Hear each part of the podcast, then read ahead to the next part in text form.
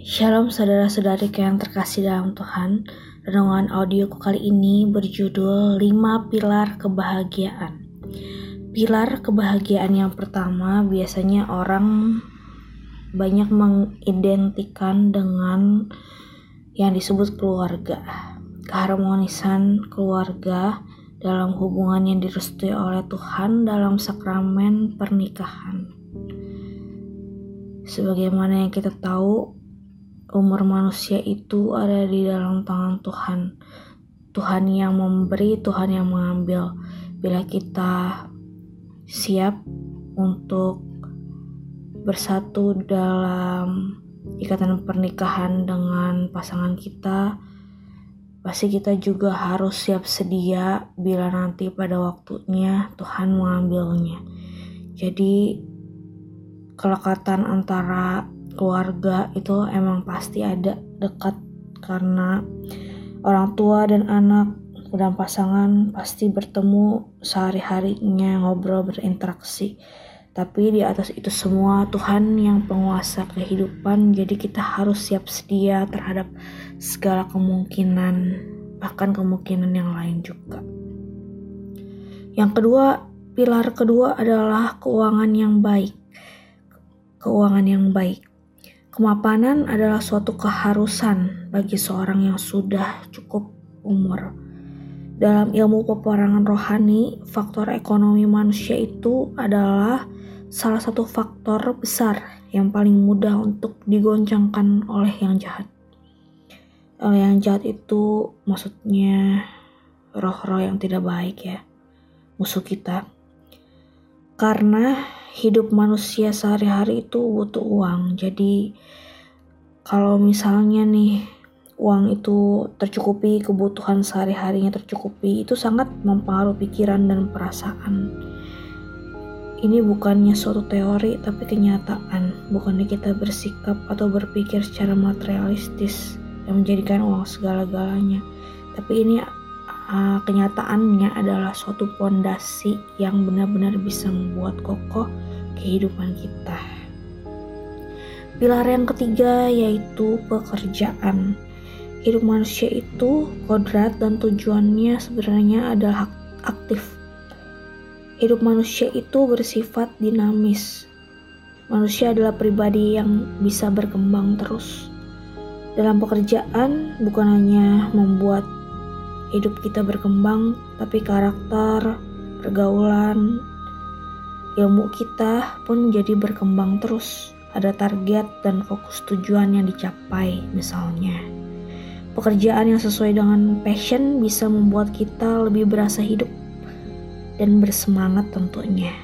Karena pekerjaan biasanya kita jadi berhubungan dengan orang lain, berinteraksi, bekerja sama dengan orang lain.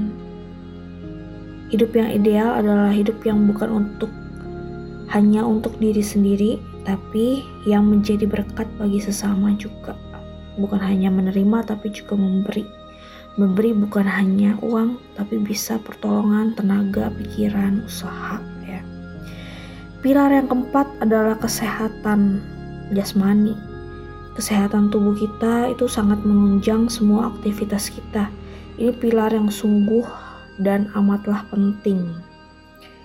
Bila kita tidak sehat, mau kerja apa susah, mau berbuat apa, bahkan mikir apa pun jadi terhambat.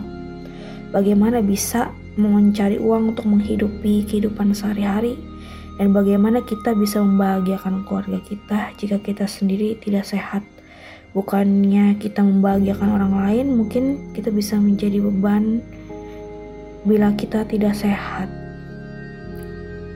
Yang kelima pilar yang kelima adalah kerohanian yang baik. Tubuh jiwa roh kita itu saling berhubungan. Jika jasmani kita sehat kerohanian kita bisa berdampak baik juga. Jika kerohanian kita baik segala energi yang berputar tubuh kita bisa berpengaruh juga kita jadi lebih bersemangat lebih kuat uh, fisiknya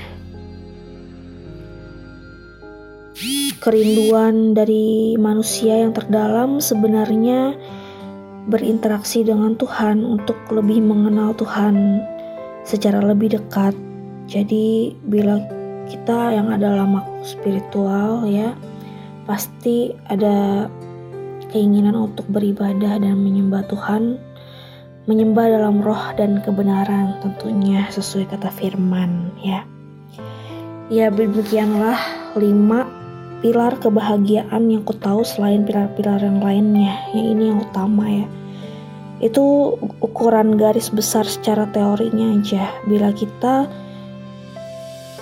sudah memiliki Tuhan Yesus sebagai juru selamat kita, batin kita lebih berasa terisi penuh.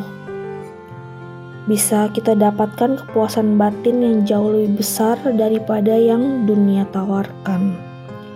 Tentunya kuasa kasih Tuhan melingkupi dan menutupi kekurangan dan kelemahan kita. Hal itu terjadi dengan demikian indahnya.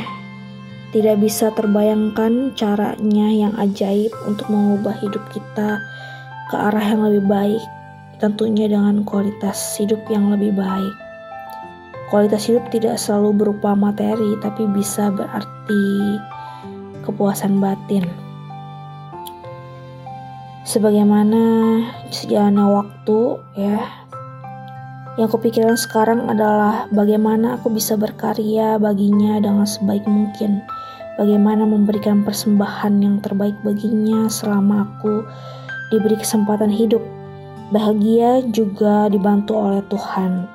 Karena tanpa Tuhan, diri kita pribadi tidak bisa berbuat apa-apa. Amin.